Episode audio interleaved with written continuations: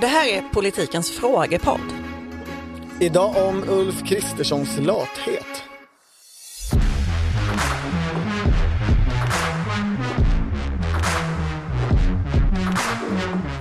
Ja, tack herr talman. Det svaret tycker jag var en tydlig bekräftelse på det, precis det som jag tog upp med min fråga.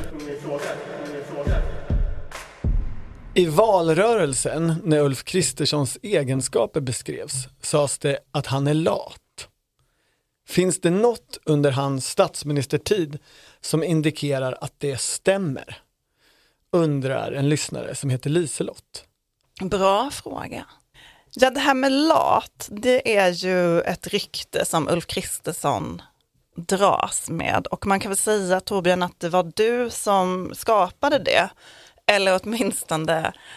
Eh... Alltså verbet skapa vill jag inte på något sätt och vis omfamna här. Skapa kanske är att ta men det var du som gjorde det allmänt känt. Eh, ryktet fanns eh, bland moderater kanske särskilt. Ja, precis Äldre så. moderater kanske man ska säga, eller jämnåriga moderater. Ja. Det... Men inför valet 2018 så skrev du om detta och sen plockades det upp och återupprepades på olika ställen, framförallt kanske på Aftonbladets ledarsida väldigt många gånger. Mm, det använder de, eh, det kunde man ju räknat ut. Men, nej, men beskrivningen av Ulf Kristersson som lat, den kommer ju från andra moderater. Och, och det var den som jag fångade upp, som du säger, inför för, förra valet då. Och det som var intressant var ju att den beskrivningen, eller liknande beskrivningar i häradet kring ordet lat, eh, gavs ju av både så att säga Reinfeldt-moderater som av andra skäl kan sägas inte uppskatta Ulf Kristersson av historiska skäl, ända sedan Lycksele och så vidare. Men också av moderater som hör till Ulf Kristerssons kretsar, som ideologiskt eller socialt har liksom varit en del av hans värld. Det exemplifieras här med en anekdot från när han är socialborgarråd i Stockholm. När var han det? Ja, 00-talets början. Eh, han är borta någonstans, alltså bortbjuden och är gäst och får en fråga om hur han ska tillbringa sommaren. Och så räknar han upp ett program som får världen att inse att han tänker sig en semester på uppemot 12 veckor. Och sen är det lite annat om att han liksom aldrig lyckades lämna texter i tid, det känner man ju igen sig i. Um, och ja, men liknande berättelser um, om hur Ulf Kristersson kanske inte får saker ur händerna. Kanske ja, det, är. Ja men det är väl det som är den beskrivning som de flesta har gett, alltså frågan om kan han få någonting gjort? Han är en jätteduktig retoriker och intressant seminarieföreläsare. Men kan någonting hända? Fast som kommunalråd, alltså när han var kommunalråd i Strängnäs, mm. då var det ju snarare tvärtom bilden att han på väldigt kort tid gjorde väldigt mycket med kommunens Och, och då var kritiken att och... förändringarna var för radikala och kanske inte så genomtänkta. Mm. Låt oss ta lite fakta för omväxlings skull. Lite fakta för omväxlings skull. Introducing Wondersuite from Bluehost.com. Website creation is hard, but now with Bluehost, you can answer a few simple questions about your business and get a unique WordPress website or store right away. From there, you can customize your design, colors, and content. And Bluehost automatically helps you get found in search engines like Google and Bing. From step-by-step guidance to suggested plugins, Bluehost makes WordPress wonderful for everyone. Go to bluehost.com/wondersuite. Ulf Kristersson är ju en, om man träffar honom, en eh, energisk person. Han verkar ju ha ett visst behov av att gå upp och springa på morgonen. Alltså han är ju inte en, eh, han är inte en skånsk livsnjutare som, han är född i Skåne men han är ju inte en liksom, person som ligger på soffan och äter eh, bakelser. Eh, nej. nej, han har ju energi. Sa jag nu att, att alla skåningar är energilösa? Det, det kommer att tolkas så i alla fall. Men, men, nej, men det är ju någonting ändå med det där Jag var ju med, med Ulf Kristersson i eh, Riga precis före jul, bara någon, några dagar före jul. Och då pratade vi lite om hur han skulle tillbringa julen. Det var ju en väldigt intensiv tid. Ehm, det var ju ekonomisk kris, det var hela NATO-processen, alltså det, det, hände väldigt mycket. Men Ulf Kristersson pratade ändå om att han hade varit ute och jagat på Harpsund, det hade han tagit sig tid till. Han pratade mycket om hur han skulle fira julen, han skulle absolut vara ledig över jul och sådär. Ehm, och det är väl det, är väl det Ja, Statsministrar med... brukar inte prata så mycket om sin ledighet och sin privata tid och så. Alltså i grunden så ska väl en statsminister i, någon slags svensk protestantisk luthersk nedärvd tradition inte ha någon fritid. Alltså det ska vara en grej som står i en faktaruta som lite färgning av och lite glitter av ens personlighet. Det är ju inte det att man faktiskt ska ta sig tid att sitta tio timmar på ett pass i skogen. Det har man ju inte tid till. Om, man är, om man är en statsminister som får något gjort, så är, så är väl tanken i alla fall här. Jag var på Harpsund och intervjuade Stefan Löfven när han precis hade meddelat att han skulle avgå. Och då hade de haft kräftskiva dagen före. Mm, när var det här sa du? Augusti 2021. Mm. Och då hade han, eh, ja men du vet den här traditionella ja, ja, kräftskivan med alla mm, mm, mm. statsråden. Och då så frågade jag om hur den hade varit. Och då var han så här, nej men det, det var ju en bomb i Kabul igår. Så att jag satt ju mest i telefon och pratade om det. Alltså, han, var liksom, han ville verkligen signalera att han var inte med och festa på kräftskivan nej. för att det fanns ju allvarliga saker som pågick i världen som tog, upptog hans statsministertid. Och så är ju inte riktigt Ulf Kristersson. Det fanns ju, det var ju mycket snack bland And, alltså inte bland moderater men kanske framförallt bland sossar när han var på årets bild ut, prisutdelningen. Ja, det, han gjort, flera, det är en sak han har gjort som statsminister nu. Ja, där ju flera av våra kollegor fick pris. Um, då var han ju där, he, då var han där och delade ut pris, men han stannade också hela middagen och hela minglet och all, hela liksom, kvällen. Mm. Och det var andra upprörda över. Hur kan en statsminister lägga så mycket engagemang på svenska pressfotografer? Också jo, men... folk som i andra andetag är väldigt arga över att Ulf Kristersson inte bryr sig tillräckligt mycket om medierna. Men, och pressfriheten och sådana saker. Mm. Nej men under statsministertiden så finns det väl egentligen ett stråk som har kommit tillbaka som, som härrör till den här, få ur någonting ur händerna eller framförallt lat. Och det är ju det här att han har haft mingel på Sagerska. Och, och, då kan ju några tycka att är, är det liksom värt, precis som med, med den här prisutdelningen, är det värt att lägga tid på att ha, ha någon slags Mikael Bindefeld-verksamhet i, på Sagerska huset, eller palatset. Eller ska man inte göra grejer? Men då tänker jag att Ulf Kristersson kommer ju också från en generation där minglet så att säga, det är den första generationen där minglet blev arbete. Så han anser nog att det är väldigt produktivt arbete, inte fritid eller förnöjelse skulle jag tro. Alltså alliansen är väl också på sätt och vis, alltså gamla alliansen uppstod ju också ur mingel.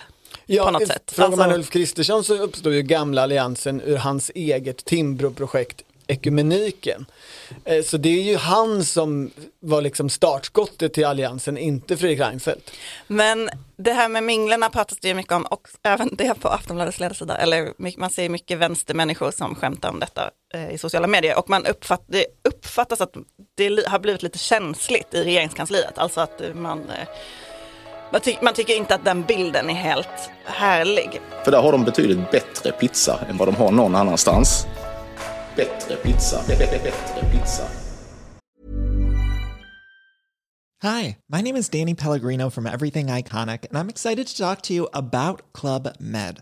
Club Med operates beach and mountain resorts and is the best all inclusive getaway for families. They have Club Med Punta Cana, their flagship family resort, and many other options in Mexico, the Caribbean, and around the world. Club Med are the pioneers of the all inclusive concept, which is the best way to vacation. Great for families, groups, or even solo travelers looking for land and water sports, delicious food food, and a place to make unforgettable memories. Visit clubmed.us, call 1 800 Club Med, or your travel advisor. en del av den här bilden av Ulf Kristersson som den lite lata personen som inte får något gjort kommer också ur regeringsbildningen 2018 och midsommarkrisen. Där Ulf Kristersson in, liksom, upplevdes lite grann sitta och vänta på att saker skulle hända eller ha gett upp på förhand för att han inte hade mandaten istället för att försöka jobba för att få ihop sin koalition. Ja men i regeringsbildningen 18 tycker jag det är tydligast. I, för där, ja om man minns nu så var det ju två sidor och alla skulle vänta ut eh, Annie Lööf och vad hon skulle säga. Och Moderaterna förlorade egentligen den dragkampen för att de på olika sätt inte lyckades försäkra Centerpartiet om att eh, de, Centerpartiet kunde få det de ville ha och att det inte skulle vara någonting farligt att ta stöd av Sverigedemokrater. Och det ska man väl då, om man ska eh, säga vad Ulf Kristersson hade sagt i det läget, så tycker han ju att de, de gjorde det och de satt ju i de här förhandlingarna, de skrev ju också på ett litet avtal där de lovade att aldrig ha något samröre med SD, som Centerpartiet sa att de inte litar på. Alltså det pågick ju Jo, saker. jo, jo. Men, så, men eh, och i midsommarkrisen, han, midsommarkrisen handlade det ju om Helena Lindahl, centerpartisten som röstade rött till Löfven efter i januariavtalet.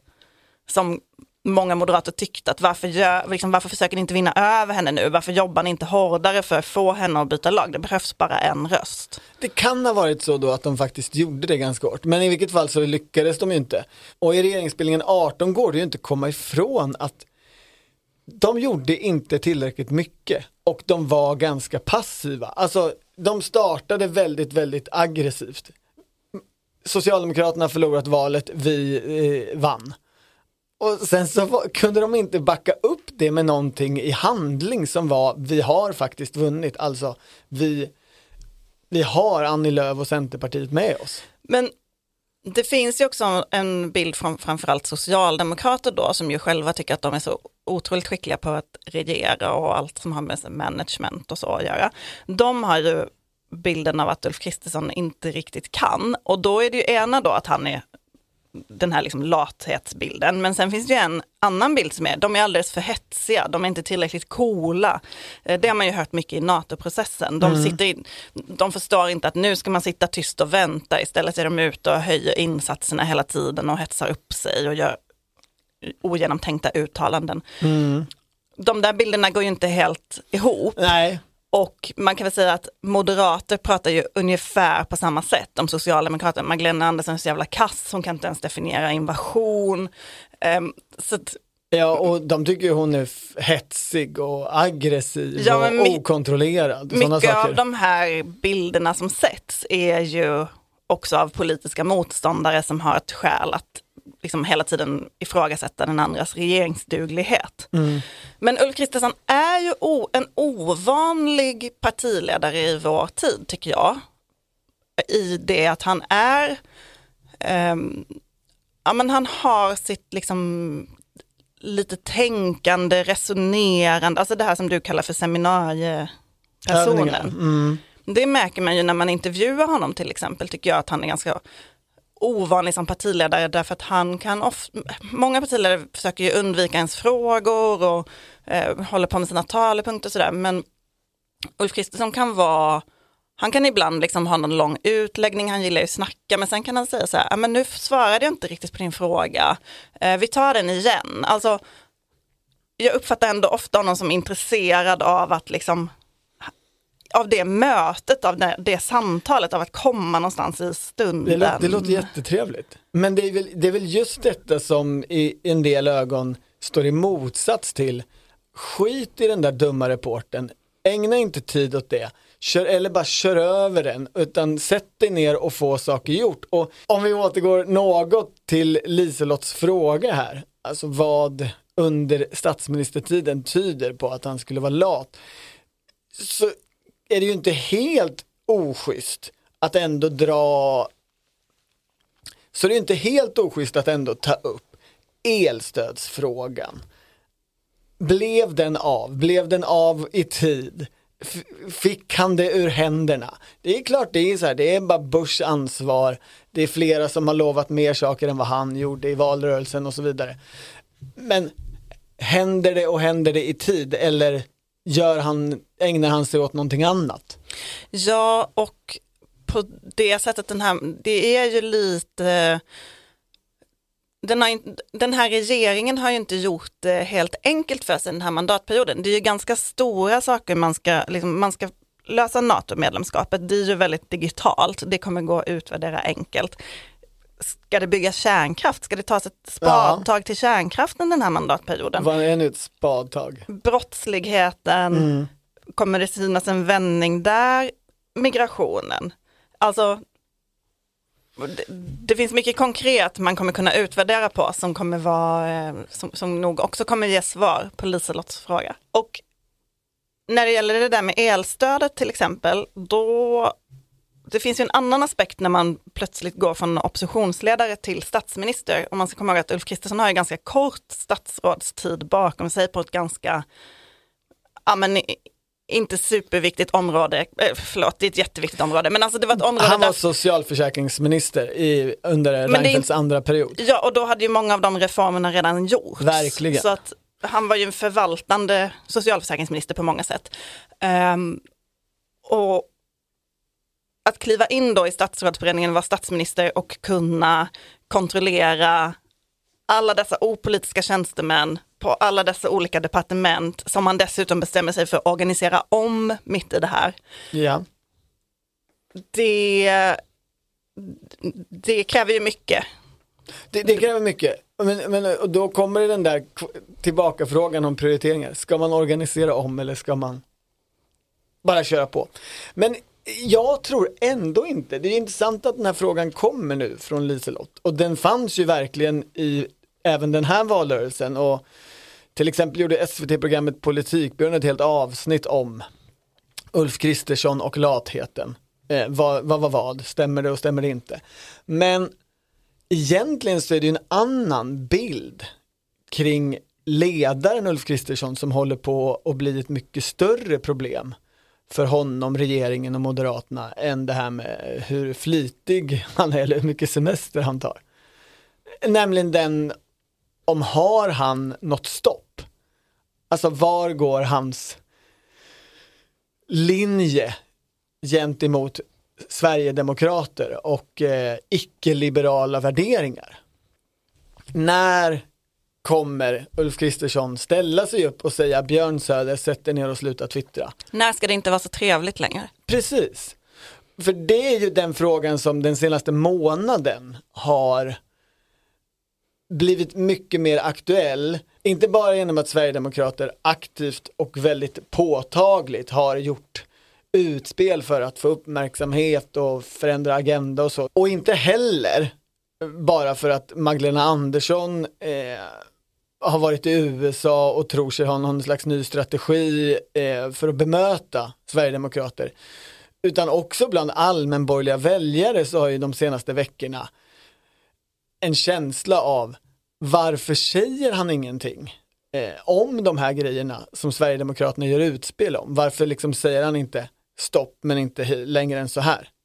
Eller lägg av. Eller något annat. Hade jag någon auktoritet när jag sa det här? Tror du att Ulf Kristersson skulle kunna göra det med auktoritet?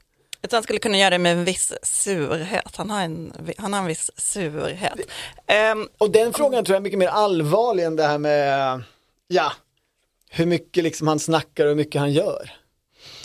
om eh, man vill ställa en fråga till politikens frågepodd så kan man mejla till politiken svd.se.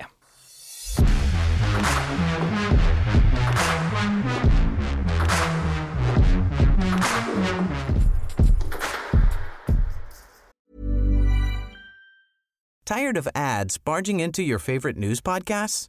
Good news. Ad-free listening is available on Amazon Music for all the music plus top podcasts included with your Prime membership. Stay up to date on everything newsworthy by downloading the Amazon Music app for free or go to amazon.com slash news ad free. That's amazon.com slash news ad free to catch up on the latest episodes without the ads. Du har lyssnat på Politiken, en podd från Svenska Dagbladet. Producent Mattias Dellert och ansvarig utgivare Anna Kardeborg.